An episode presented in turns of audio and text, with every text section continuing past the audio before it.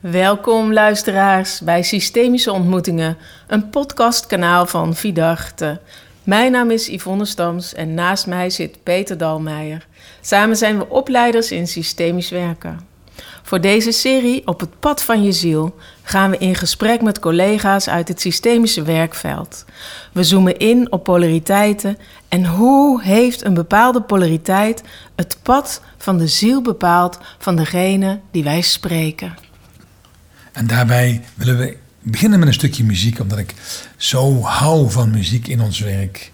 En Jackson Brown is een artiest die al jaren met mijn leven mee reist. En in dit lied, For a Dancer, voor een danser, legt hij zo mooi uit dat wij leren de dans te dansen van onze ouders. Zij leren ons de stappen van de dans. En de kunst van het leven is uiteindelijk dat we onze eigen dans moeten leren dansen. En dan komen we op de pad van onze eigen ziel. Just do the steps that you've been shown by everyone you've ever known. Until the dance becomes your very own, no matter how close to yours another steps have grown. In the end, there is one dance you'll do alone. Ja, luisteraars, deze aflevering hebben we ook weer een bijzondere gast in ons midden, Yvonne. Dat is Ja, leuk hè? Ja. Mark Mercedes, Mark, welkom. Dankjewel. Welkom in Op jouw pad van jouw ziel, want daar gaan we het over hebben. Ehm, je bent docent, je bent vader, je bent systemisch werker. We hebben elkaar meegemaakt bij Ereveld Vol Leven. En ehm, wij vonden het heel fijn om jou hier te hebben, omdat jij ook een bijzonder levensverhaal hebt. Toch, Mark? Ja, ja, ja precies. Zo, eh, zo, zo eh, begint het pad voor heel veel, velen, denk ik. Ja. Dat ik dacht dat ik een heel bijzonder verhaal heb. En hoe beter ik op mijn pad andere mensen ontmoet heb, hoe meer ik geleerd heb dat er in mijn pad heel veel echo's zijn bij andere mensen. En dat we in wezen nog veel meer op elkaar lijken dan wat ik altijd gedacht heb. Ja. ja dat snap ik. Dus, ja. Ja, ja, mooi dat je het zo zegt. En, ehm, nou ja, het, het bijzondere is dat ehm, wij met z'n drieën waren samen ook in IJsselstein op eh 4 mei bij, de, bij het initiatief van onze Nathalie, on- onze vriendin allemaal. En eh, je, had daar een speciale rol, want was een klas Duitse jongeren, er waren Nederlandse jongeren. En die, eh, ja, eh, twee nationaliteiten en twee talen lopen ook dwars door heen. Zo is het, ja. Ik heb dus, dat weten jullie, ik heb dus een Duitse vader en een Nederlandse, Brabantse moeder. Brabants moet altijd goed. Altijd goed. Tot mijn dertiende heb ik ook alleen eh, Duits gesproken. Tot die dertiende, mijn dertiende alleen Duits gesproken. Wauw. Ja. Gingen jullie nooit eh, naar Nederland op vakantie? Jawel. Dus als ik zeg alleen Duits gesproken, dan, eh, dan eh, dat is niet helemaal de waarheid. Want ik kon wel koekje en snoepje zeggen. Bij Voor als we bij mijn oma op bezoek waren. Bij oma, ik hoorde meteen. Ja, ja, ja. Dat zijn de beste woorden Dat bij dan, oma's. Ja. En eh, daarna kwamen de scheldwoorden van mijn neefjes en nichtjes. Ja. Ja. Maar eh, ja, En zo ben je Wat, naar boven wat was jouw favoriete scheldwoord toen als kind?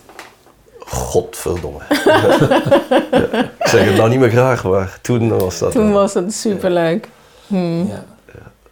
Leuk. En, en, en ehm, hoe voelt het om, om 13 jaar ja, in Duitsland te zijn geweest en daarna je leven hier hebben voortgezet? Ja, dat was voor mij een bijzondere ervaring. Ja. Ehm, ehm, toen ik dus eh, elf was, toen waren er heel veel eh, ruzies eh, in huis. Eh, dat was een verschrikkelijke tijd. Ehm, ehm, ja, echt, echt heel heftig. En eh, met eh, veel schreeuwen. En ik had een hele goede relatie met mijn eh, eh, anderhalf jaar jongere broer. Ah, natuurlijk. Maar zelfs in die, eh, in die stress zijn wij elkaar zelfs kwijtgeraakt. Een hele eenzame, Ja. hele eenzame tijd.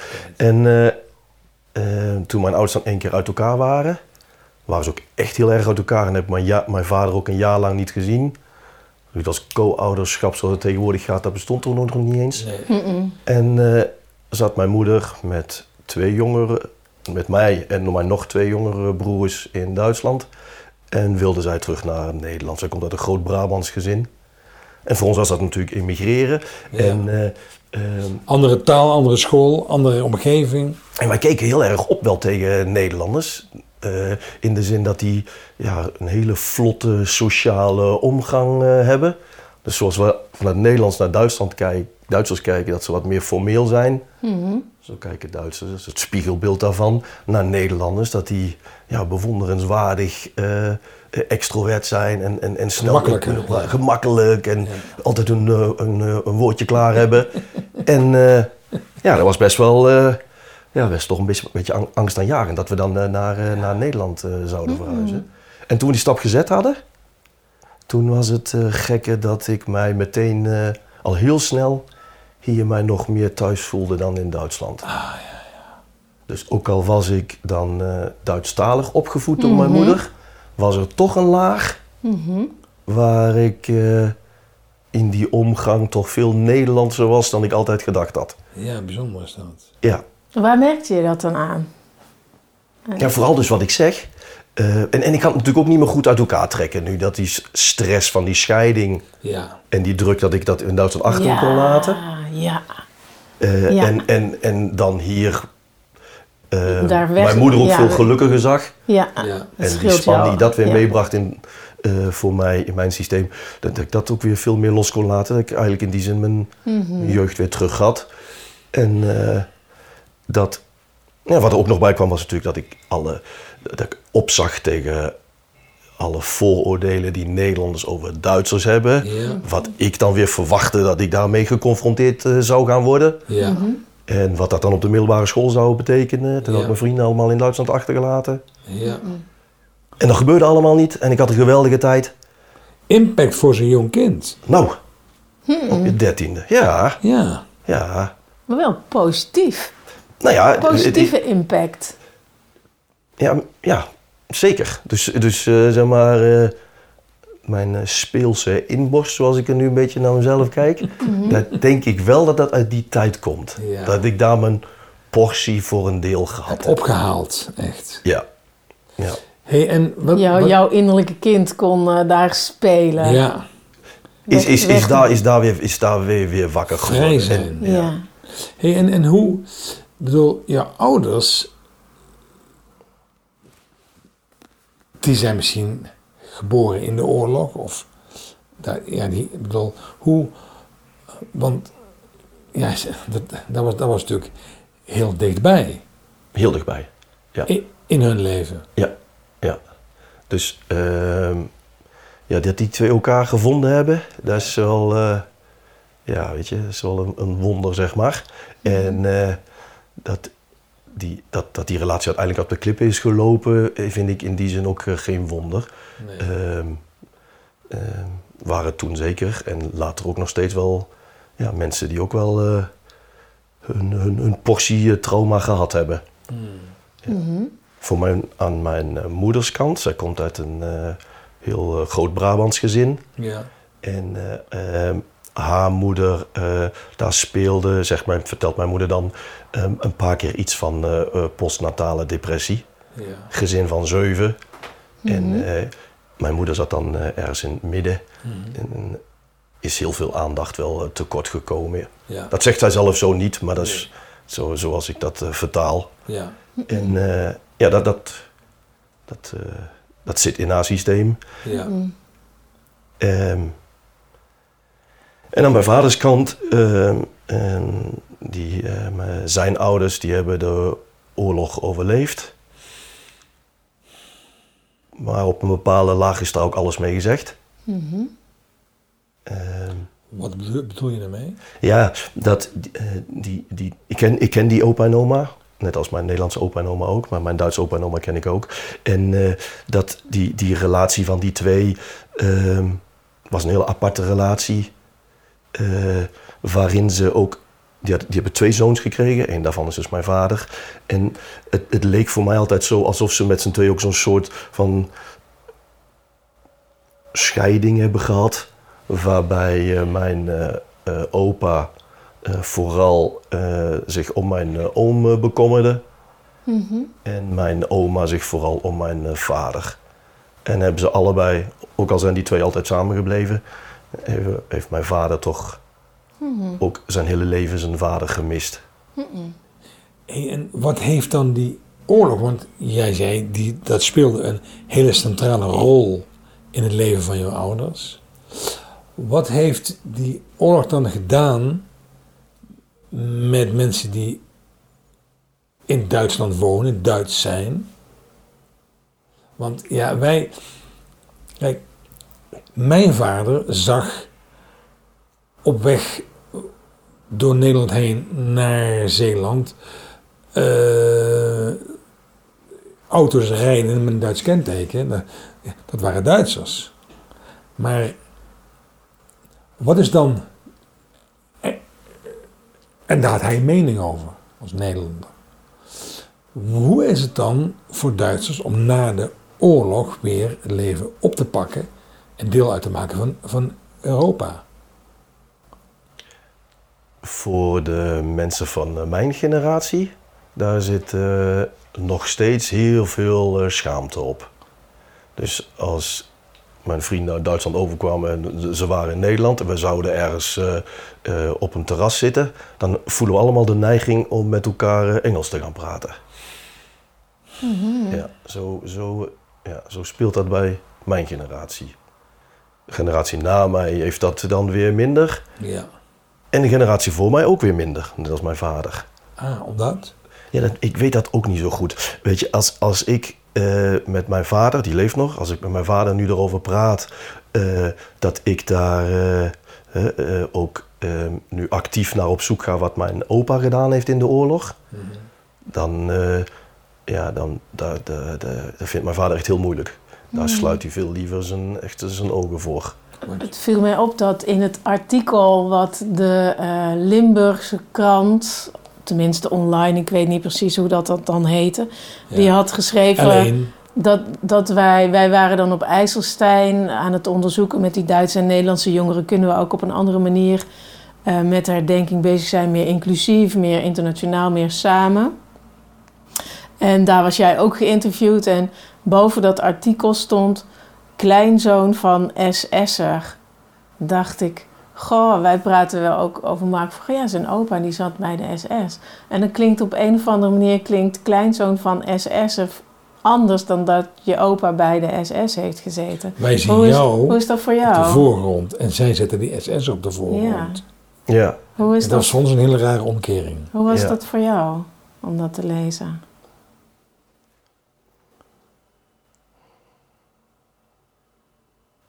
Ja heel, heel, eh, heel eh, Ik kan er van twee kanten naar kijken. En ik vind het, het, het klopt ook. In de, Ja. zin, in de zin dat. ehm, ehm, kijk, mijn, mijn, mijn opa die, die zat bij de SS. En ehm, dus die, die, die, die schaamte waar ik het net over had, van mijn generatie over, wat, eh, eh, de, de, eh, over de, tweede, we- de rol van Duitsland in de Tweede Wereldoorlog, dat zit in die zin nog, steeds, nog, veer, nog meer in mij. En ehm, op het moment dat ik daar dat, dat ook gewoon een plek mag geven, bijvoorbeeld in dat interview met die journalist, en dat er, dat ook op de voorgrond mag staan, dan vind ik dat in die zin ook kloppend. Ehm, ehm, omdat ik het idee heb dat, dat, dat, dat het me ook in die zin ook een taak heeft gegeven. Weet je, ik kan doen alsof die schaamte er niet is. En ik kan ook zeggen eh, ja, dat, dat er een taak voor me uitkomt en het daarmee een plek geven. En wat ik ook in IJsselstein vertelde, weet je, dat, dat- er is nou op dit moment ook best wel veel eh, eh, antisemitisme in, in onze samenleving. Ja. Ook hier, ook gewoon in mijn omgeving. Ja. En ehm, er- zijn, er zijn ook in mijn omgeving, ehm, ehm, ja, on- ontmoet ik ook wel eens mensen die de neigingen om de holocaust te ontkennen. of te vergoelijken. Nou, het minste wat ik kan doen, vind ik dan, is te vertellen dat het gebeurd is. Is te vertellen dat het gebeurd is en eh, dat, dat, dat er daadwerkelijk mensen waren die eh er actief aan hebben bijgedragen dat gewoon mensen op industriële schaal worden vernietigd. Dat is Ja. tekst als je dat zo zegt. Ja, Op industriële schaal worden vernietigd. Ik krijg daar gewoon koud van. en zo. En, en, en, Zo zegt. Ja. Ja, dat snap ik, ja. En hoe is het dan voor jou om, om te beseffen dat je opa deelgenoot was van die, die actie? Ja, dat is, dus heel, dat is dus heel moeilijk voor me. Dat is dus heel moeilijk voor me. In de zin van dat ik dus... ehm, ja, ten eerste zeg dat, dat het een taak is voor mij om dan dat, dat, dat ook gewoon een, een, eh, een plek te geven. En daar Aannemen, zoals we dat eh, Aannemen. noemen in, in ons, onze eh, systemische taal. Ja. En tegelijkertijd, wat ik er ook. Kijk, ik, ik kan er nou ook alleen maar in die hele globale termen over spreken, Ja. omdat de, de, de, de, de, het echte onderzoek, wat, mijn rol, wat de rol van mijn opa nou precies geweest is, eh, dat heb ik nog steeds, ben ik dat nog niet aangegaan. Dus Nee, iets houdt jou daarin tegen, hè? Ja, ik vind het gewoon hartstikke spannend. Ik vind het gewoon heel erg spannend. Dus eh, we kunnen dat bij het eh, archief in Berlijn opvragen. En dat heb ik gedaan. En dan kreeg ik drie maanden later een brief. En dan schrik ik. En dan maak ik de brief open. En dan lees ik. En dan staat er dat er heel veel mensen deze aanvraag doen. Mhm, En dat het wel tien jaar kan duren voordat ik antwoord krijg. mhm. En dan voel ik alleen maar opluchting. Ja, Oh, dan heb ik nog negen jaar om me daarop voor te bereiden. Zo. En ondertussen ben ik op een plek dat ik denk, ik wil daar niet meer op wachten. Nee. Dus dat is nou vier jaar geleden. En dan heb ik, een, eh, ja, dan heb ik die reis gepland met mijn vrouw om, om te gaan kijken, Ja. om het zelf op te zoeken. zelf Wat daar nou precies gebeurd is. En welke rol hij daar gehad heeft. En toen kwam corona. En dan ging die reis naar Berlijn niet door. En dan was ik weer opgelucht. Elk nadeel heeft zijn voordeel, zegt Johan Cruijff. Ja, dus zo is dat voor mij. Ja, Ja. En eh, zowel eh, mijn, mijn... Dus mijn opa, dat was een bewuste keus. We hebben in IJsselstein ook erover gehad dat sommige mensen via hun familiesysteem erin terechtkomen. Dat is bij mijn opa niet zo. Zijn eh, moeder was eh, eh, heel erg tegen de nazi's. Zijn broer ook. Dat gaf ook spanning in het gezin, Ja. weten we. Ja. En mijn opa was voor de nazi's. Ja. En zo'n jonge broertje is in de oorlog overleden. Die heeft hij daar. Die is daarin gebleven. Terwijl hij dus wel als soldaat gevochten heeft, maar tegen de nazi's was. En mijn opa was voor. En die heeft het overleefd. En dat is nog heel. Is een- en, en mijn. mijn hè, dan, ik weet niet of, of jullie die verhalen kennen hoe die eh, bevrijding aan, de, aan, het, eh, aan het oostfront eh, ging. Met eh, de.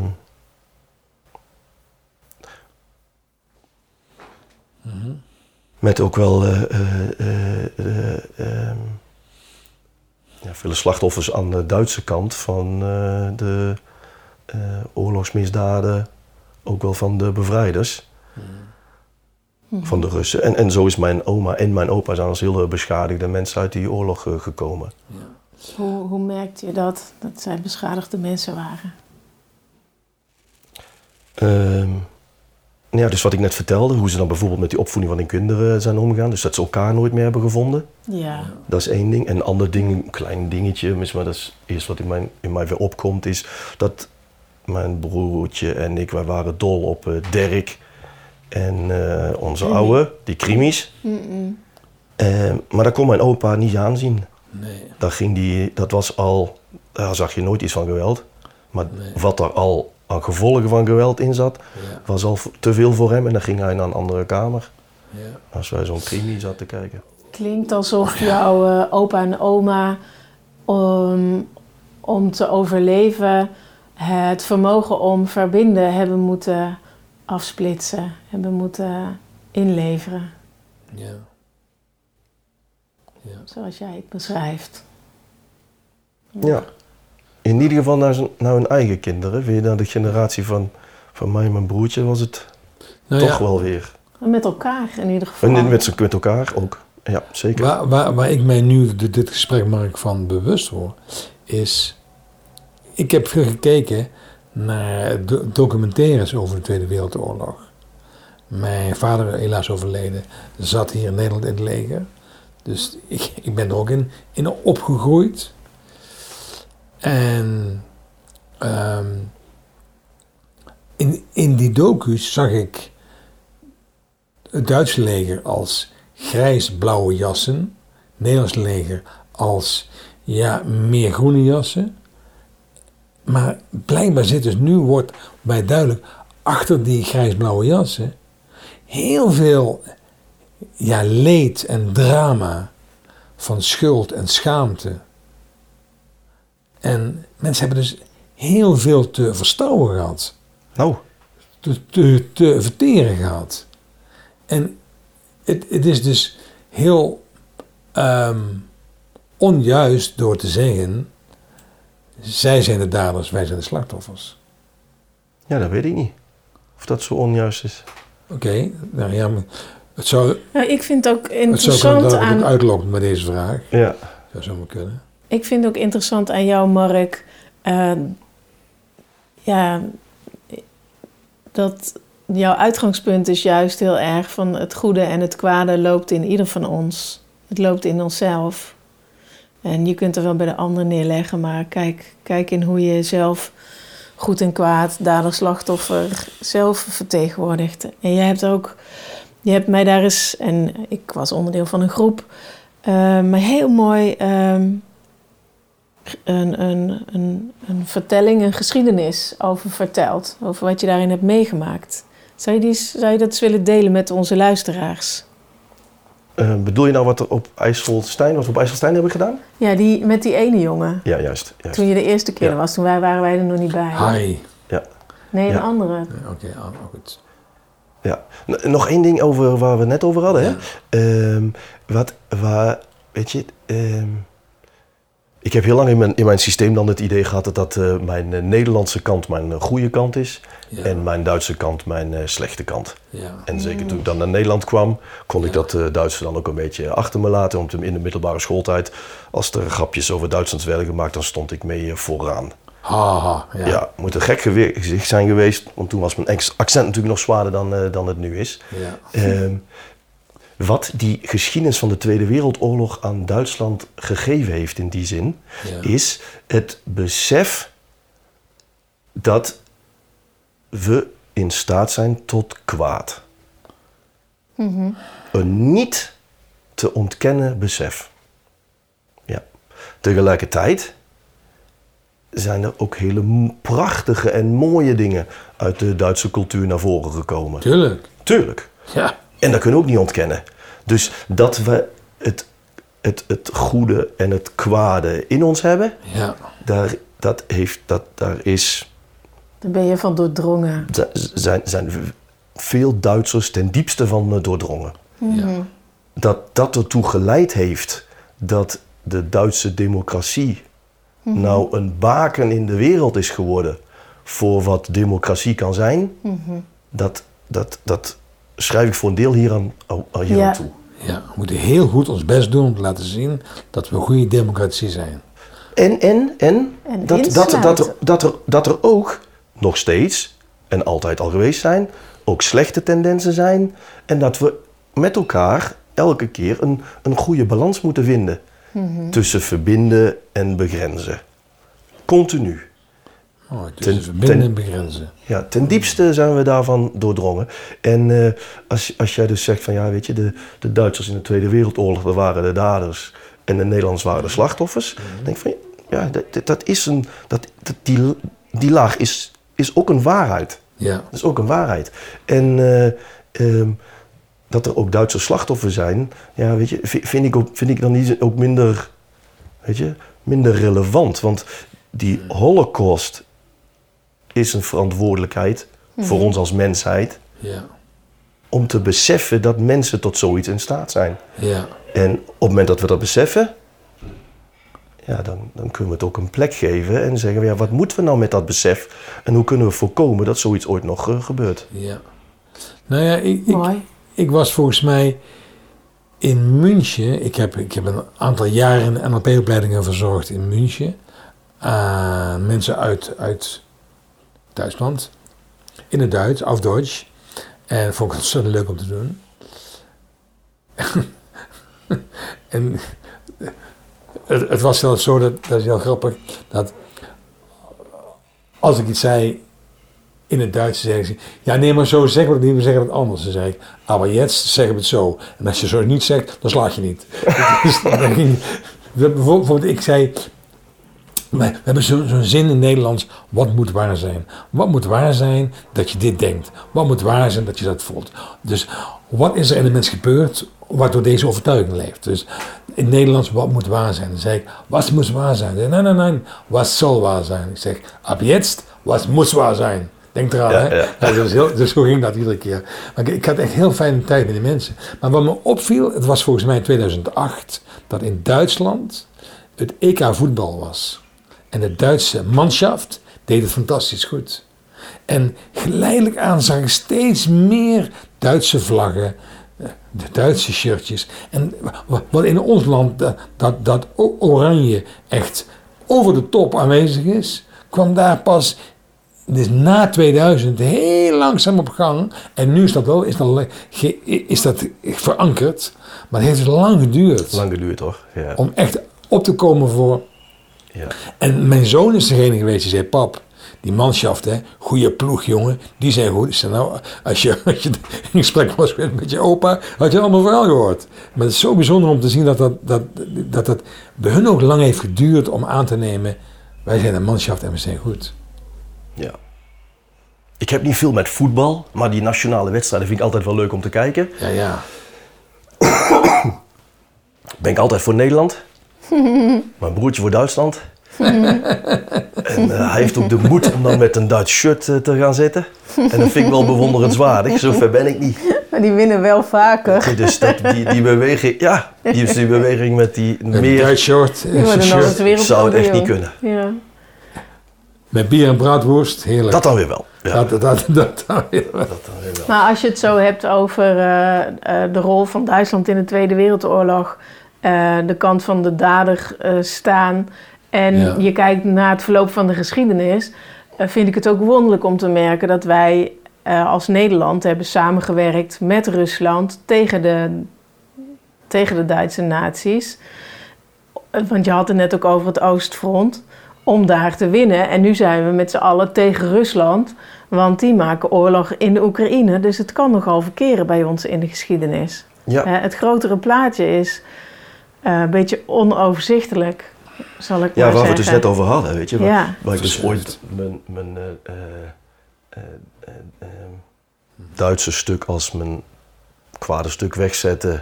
Ja. Toen ik nog veel jonger was. En mijn Nederlands stuk als, mijn- als mijn jonge stuk wegzette. Eh, toen ik me daarna dan eh, in wat we later opeens de polititionele acties in Indonesië gingen noemen.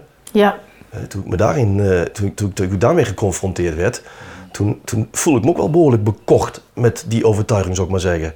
ja, ja, ja met het eh Ja. dadervrije Nederland. Ja, Mhm. Ja. ja. Ja. En eh, waar dus Duitsland zo doordrongen is van dat besef dat we het kwade en het goede Mhm. in ons kunnen hebben, zie ik dat besef in, in Nederland minder. ja, nu pas begint een beetje te komen, veel hè? meer. Ja, en, en fijn is dat, vind ik. Ja, Ja, dus terecht. worden we ook een, een heler mens van. Ja, ja. Eh, Kunnen, is het Zo- een goed moment voor, voor mijn vraag van Ja, ja, even ik. terug? Ja? Erz, Erzheel. Ja. ja.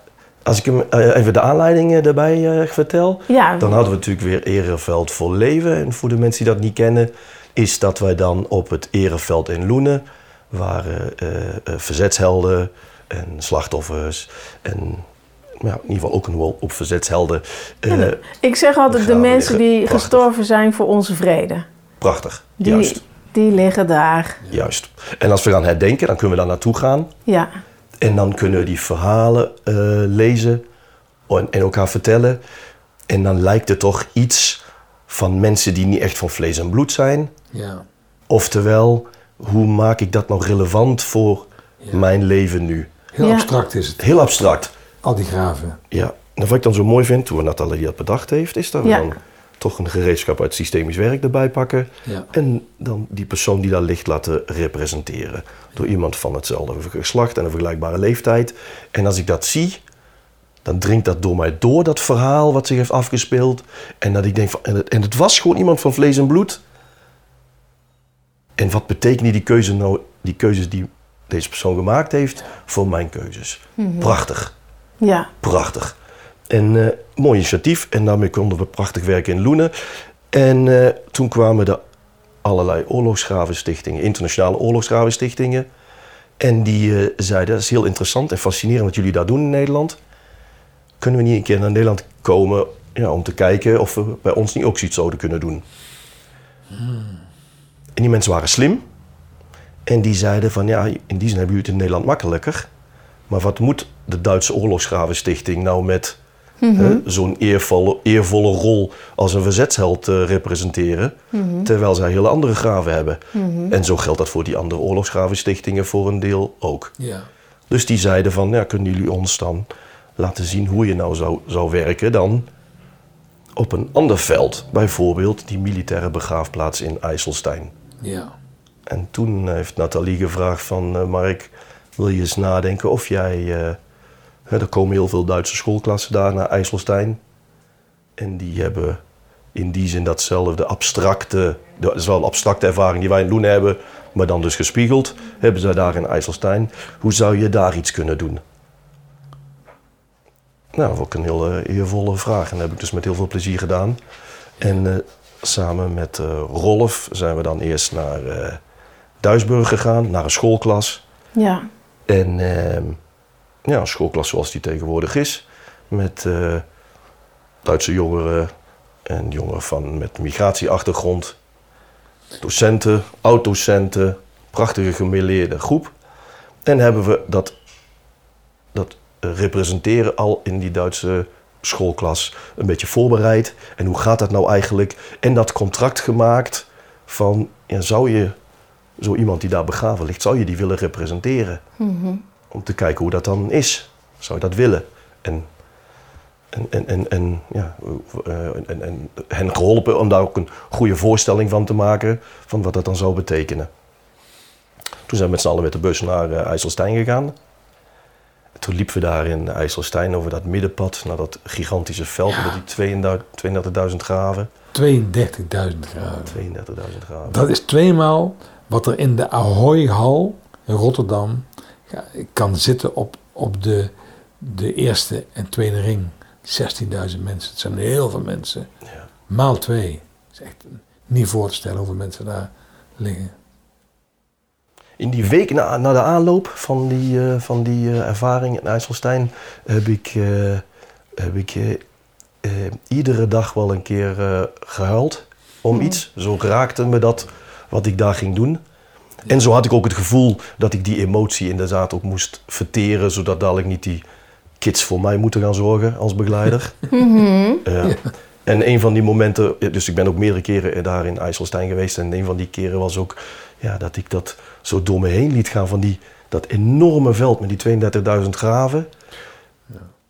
En, en hoe mooi dat ook allemaal verzorgd is.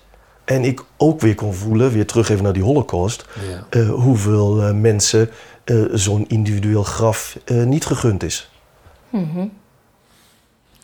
Ook weer een ja, liggen ook pijnlijk heel besef. veel onbekende soldaten. Hè? Liggen er ook nog, ja. Ook pijnlijk, hè? ja. Ja, Ja. ook. En waar jij op bedoelt is dat er natuurlijk heel veel mensen in massagraven zijn. Ja, of in ovens zijn vernietigd. Ja. Ovens zijn vernietigd en helemaal geen graven hebben. En die namen daders, hebben. eh, geen namen hebben. En die, en die daders daarvan liggen dan op zo'n eh, op zo'n veld met een individueel graf. Ja. Enfin, dus eh, Ja. wij komen daar aan met die Duitse schoolklas. en We lopen daar over dat eh, middenpad tussen die 32.000 eh, graven.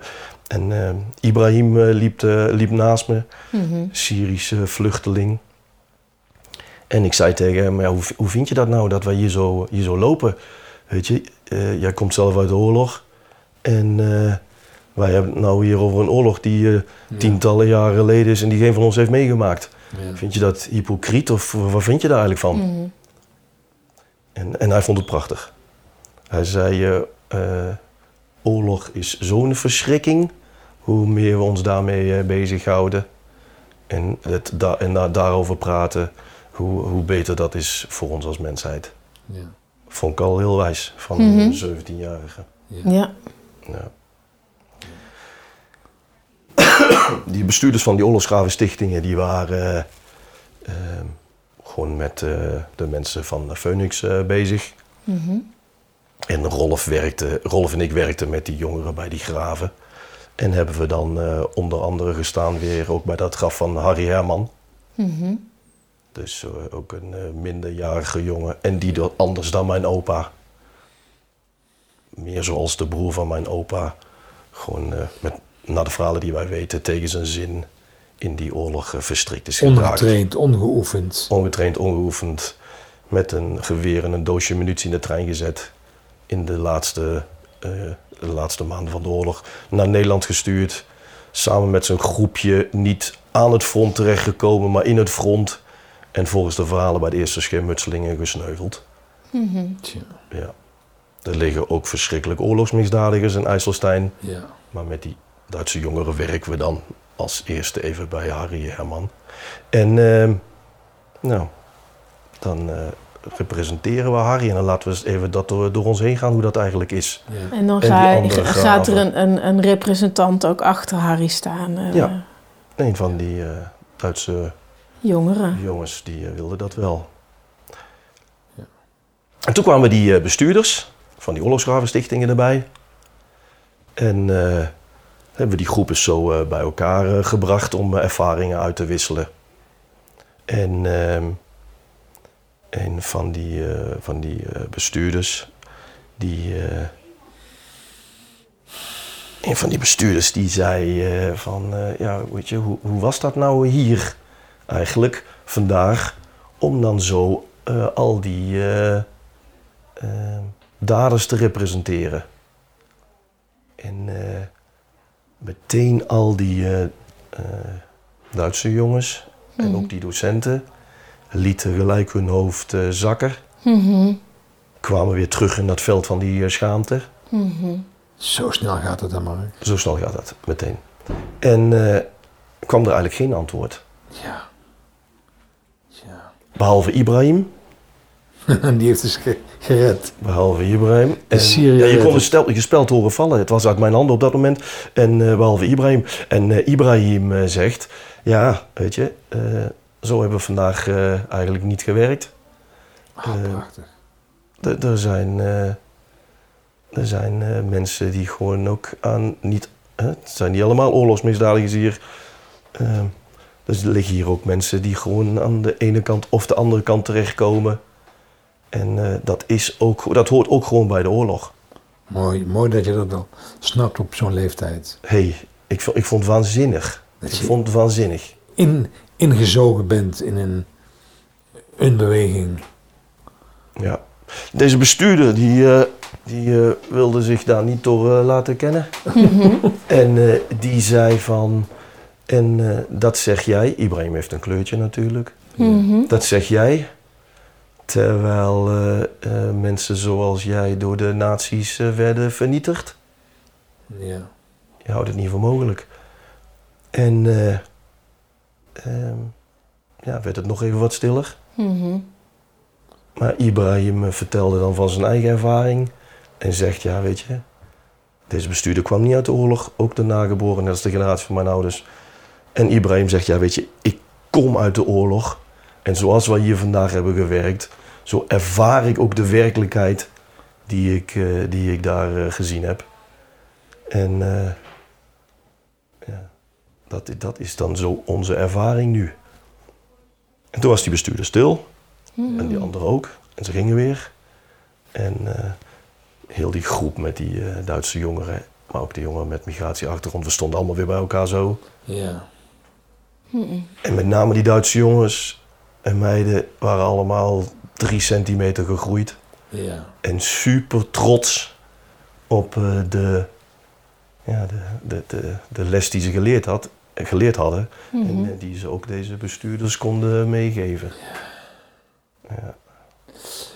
En wat, wat is nou voor jou... Deze serie heet... Je ziel weer vinden. Daar hebben we het over. Hoe heeft jouw, jouw Duitser zijn, jouw Nederlander zijn... jou uitgedaagd om in eh, contact te komen met, met jouw verlangen, met jouw missie, met jouw drive. Ik bedoel, je bent ook actief gaan zijn in het systemisch werk, dat doe je ook niet voor niks. Ja. En als ik jullie dat verhaal zo net mag vertellen over, over Ibrahim, weet je, dat, dat voelt gewoon heel betekenisvol. Dus dat is dan echt daar waar ik ooit ook mijn grootste beschadigingen heb opgelopen. Ik nou ook echt het, het gevoel heb dat ik daarmee de meest dankbare en betekenisvolle bijdrage kan leveren. Waar je de grootste beschadiging op loopt, kun je ook de dankbaarheid ophalen om betekenisvol te zijn. Ja. Ja. En, en waar ben je dan betekenisvol aan volgens jou? Ja, in het klein en in het groot eh, de vrede te bevorderen. En eh, Ja. de verbinding van, eh, van mensen te bevorderen. Ja. Ja, dat is toch, weet je wat. Er zijn heel veel mooie dingen op aarde, vind ik. Ja. Maar dit vind ik toch het allermooiste. Ja. Ja. Ja. ja. Jij, jij kan wel zeggen dat, dat hoe je bent opgegroeid en hoe jouw leven is gelopen en wat je daarin voor jezelf hebt moeten verstouwen aan eh, gevoelens en ideeën, dat dat heeft echt wel bepaald dat je nu ehm, zo daarvoor kan staan voor anderen. Daar een, een, een weg in kan, een lichtje kan schijnen op, op de eerstvolgende logische stap voor bijvoorbeeld de, de cursist of in die, in die samenstelling op, op IJsselstein bijvoorbeeld. ja. ja. Of Ja. voor mijn, of voor mijn, eh, voor mijn eh, studenten bij Frontis. Ja, of voor je eigen kinderen. Of voor mijn kinderen, voor mijn vrouw, ja. Ja, Mijn vrienden. En de essentie is vrede, Ja. Ja, de essentie is vrede. en verbinding, ja. en Binding. verbinding. Ja, weet je, zo kijk ik toch naar mensen. Dat is onze grootste gave, vind ik. Hoe wij ons met elkaar kunnen verbinden. Op die Afrikaanse savanne ooit. In alle één op één gevechten. Hadden we, het, hadden we het allemaal afgelegd. Allemaal. Ja, niet allemaal, maar wel heel veel. Maar als wij samenwerken, weet je, Ja. dan krijgen we de mammoet te pakken en de leeuw. En, Ja, dus een beetje de Ubuntu-gedachte. Ik ben omdat wij zijn. En wij zijn omdat er aarde is. En eh, van daaruit leef jij, als ik het zo hoor. ja, op mijn goede dagen. Ja. Altijd weer even bescheiden. Hey, Ja, we, schattig. we gaan nog door met, met, met erevelden, met herdenken, met onderzoeken hoe we inclusief kunnen herdenken. En wat is daarin jouw bijdrage of jouw missie of jouw drive? Ik vraag het omdat jij altijd klaar staat, Mark, daarvoor. Ja, daar sta ik altijd voor klaar. Omdat, weet je, dus waar het dan ook lijkt, zoals je net beschreef, Yvonne, alsof ik het voor de anderen doe. Dat is helemaal niet zo. Het is echt ook gewoon voor mezelf. Het, is gewoon, het voelt voor mij gewoon heel dankbaar en heel betekenisvol als ik daar een eh, bijdrage aan mag leveren. Mhm. Ja. Dus daar sta ik gewoon, als ik daarin iets in kan betekenen, dan, dan ben ik er. En eh, ja, weet je wat ik net vertelde? Weet je, mijn- mijn, mijn volgende stappen zijn toch ook wel. ehm, daar hadden we het toen straks ook al over, dat de, on- eh, ontkenning van, van de Holocaust. Eh, de belangrijke stappen zijn, mijn volgende stappen zijn ook wel dat ik gewoon echt ga ophalen wat de rol van mijn opa is geweest. En dat ik daar ook gewoon eh, open in eh, ga zijn. Weet je, zo, zo is het. Zo Ja. is het. Echt de dingen, Berlin, de dingen here we come. Ja. Ja. Ja. Ik ben een Berliner. Ja, ja ben ik echt. Mijn eh, oma is er geboren, opgegroeid en mijn eh, opa niet verder vandaan. Ja. Prachtige stad. Ja. Prachtig. Ik ben benieuwd wat het je brengt als je zijn, zijn daden, eh, van zijn daden hoort. En ze, en ze dan weet. Hij is in de oorlog getrouwd en dat betekent onder de nazi's dat hij alleen mocht trouwen als hij ook een, eh, Uniform. een brief schreef. Moet, lange, moet een heel levensverhaal schrijven en waarom die een overtuigd nazi is. En dan kregen ze toestemming om te trouwen. Dus dat stuk ligt ook in Berlijn. Dus ik ga ook iets ja. te weten komen van zijn eh, overtuigingen. Geschiedenis. En een foto zit erbij van allebei. Je hebt nog nooit een foto gezien. Ja, ik, ik ken mijn opa, dus ik heb veel vol foto's gezien, maar niet uit die tijd. Niet uit die tijd. Mhm. En er is zoveel moois ontstaan in Duitsland. Hè? Ja, dat, Noem ik, maar Beethoven, ja, Goethe, ik heb een heel groot zwak, ik heb heel groot zwak voor sprookjes. sprookjes. En eh, gebroeders eh, Grimm. Een dik boek om eh, mijn, mijn kids uit voor te lezen. En ik, heb, ik, ik wilde sowieso dan, nog voordat ik wist wat er allemaal in Berlijn lag, wilde ik ook kijken naar die plek waar mijn opa gewoond heeft en mijn oma in, in ja, voormalig Oost-Duitsland. Heb ik een reis gemaakt samen met mijn vader en mijn zoontje om daar te gaan kijken. Wauw. En daar ben ik erachter gekomen. En dat heeft mij heel veel goed gedaan, ook om mijn Duitse kant te omarmen. Daar eh, ben ik achter gekomen dat de vader van de opa van mijn opa, Zo, dat is ver weg. dat is ver weg hè, 1789 is de man geboren. Johan Jacob Nathanael eh, Museus. En eh, die verzamelde sprookjes Kijk. voor de gebroeders Grimm. Wauw. En toen ik weer thuis was, heb ik het dikke boek wat bij mijn dochter in de kamer lag, achterin opgeslagen. Bij de bronnen van al die sprookjes. Want die gebroeders Grimm waren spreekkamergeleerden. Dat werd allemaal opgestuurd. En eh, bij, drie van die, eh, bij drie van die prachtige sprookjes, daar staat die rare achternaam van mij. Museus. En de vader van de opa van mijn opa staat daarin als leverancier van drie van die gebroeders Grimm sprookjes. En is niet zo'n heel eh, succesvol nageslacht, want alle nazaten van hem, die ken ik. Er zijn er twee in Nederland met mijn achternaam. En eh, nog eh, twee handen, vier handen vol in Duitsland. En dat is het. Geen, Dat is er nog. geen grote familie. Maar wel in een sprookjesboek. Het heeft me heel veel goed gedaan dat ik dat besef. Zit je. In mijn Duitse lijn zit Ja. niet alleen maar een opa die eh SS'er is, maar ook zijn moeder die veldtegen is. En over die Johan Jacob Nathanael, daar werd toen hij Ja. doodging zelfs in de krant over geschreven. Wat voor een eh, bijzondere en fijne man dat eh, geweest moet zijn. De sprookjes van Grimm. Ik kan me voorstellen dat het wat met je doet als je weet hebt dat niet al je voorouders eh, verdorven daden hebben verricht, maar ook fijne, liefdevolle, verbindende. Sprookjes hebben we verzameld. Ja, dat is Prachtig. toch verbindend Kan niet en mooier. liefdevol. Ja. En eh, wat ik steeds aan je hoor in je, in je verhaal, is dat je echt ophaalt de ene kant en de andere kant. Je bent echt doordrongen van eh, de polariteiten die, die er zijn in jouw leven. Ja. Waar, waar jij eh, een, een midden in, in tracht te vinden. Ja, dat zeg je dankjewel. goed. Ja. Klopt, ja. En ja, je bent er heel bewust van. Eh, heb je het idee dat dat jouw grootste opgave is in jouw leven? Zo van deze, deze twee uitersten bij elkaar brengen? ja, dat denk ik wel. Dat denk ik wel, ja. Ja. Ja, waar ik in het verleden een Duits deel had en een Nederlands deel. en eh, ook eh, oordelen op het ene en op het ander.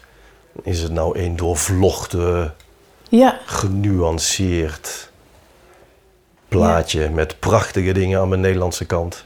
En lang geen prachtige kanten aan mijn Nederlandse kant. Ja. En hetzelfde aan de Duitse andere, stuk. andersom hè? Ja.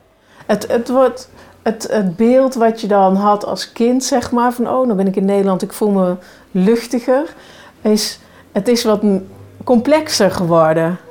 ja.